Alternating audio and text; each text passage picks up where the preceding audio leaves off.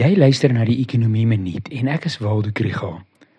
Die laaste paar dae was daar interessante beriggewing oor die AGOA-beraad en die belangrikheid daarvan vir Suid-Afrika se uitvoer na die FSA.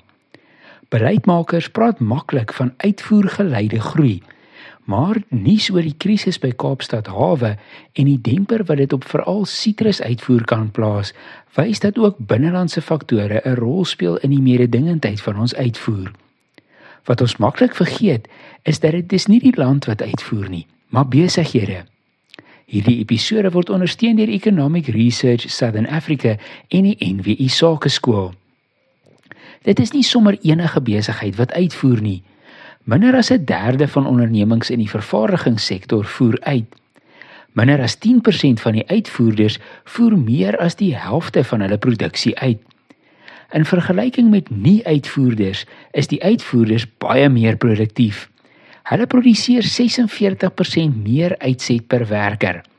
Hulle betaal beter lone en gebruik meer kapitaal en vervaardigde insette. Onder hulle is die belangrike spelers die ondernemings wat meer produkte na meer bestemmings toe uitvoer.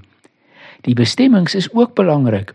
Ondernemings wat slegs na ander Afrika lande toe uitvoer, is 4% meer produktief as ondernemings wat net op die binnelandse mark fokus. Die wat na die res van die wêreld toe uitvoer, is 10% meer produktief. Suid-Afrika se uitvoergroei kom veral vanaf bestaande uitvoerders wat bestaande produkte na bestaande bestemmings uitvoer. As mens dit alles in ag neem, is dinge soos AGOA en logistieke infrastruktuur belangrik vir daardie bestaande uitvoerders. As ons waarlik uitvoergeleide ekonomiese groei wil kry, moet meer ondernemings kan uitvoer, maar daarvoor moet hulle meer produktief raak. Dit beteken meer kapitaalintensiewe produksie met beter opgeleide werkers laer koste om besigheid te doen en geleenthede in wêreldwye waardeketTINGS. Dit is alles makliker gesê as gedaan, maar dit is ook die beste pad na groei en ontwikkeling.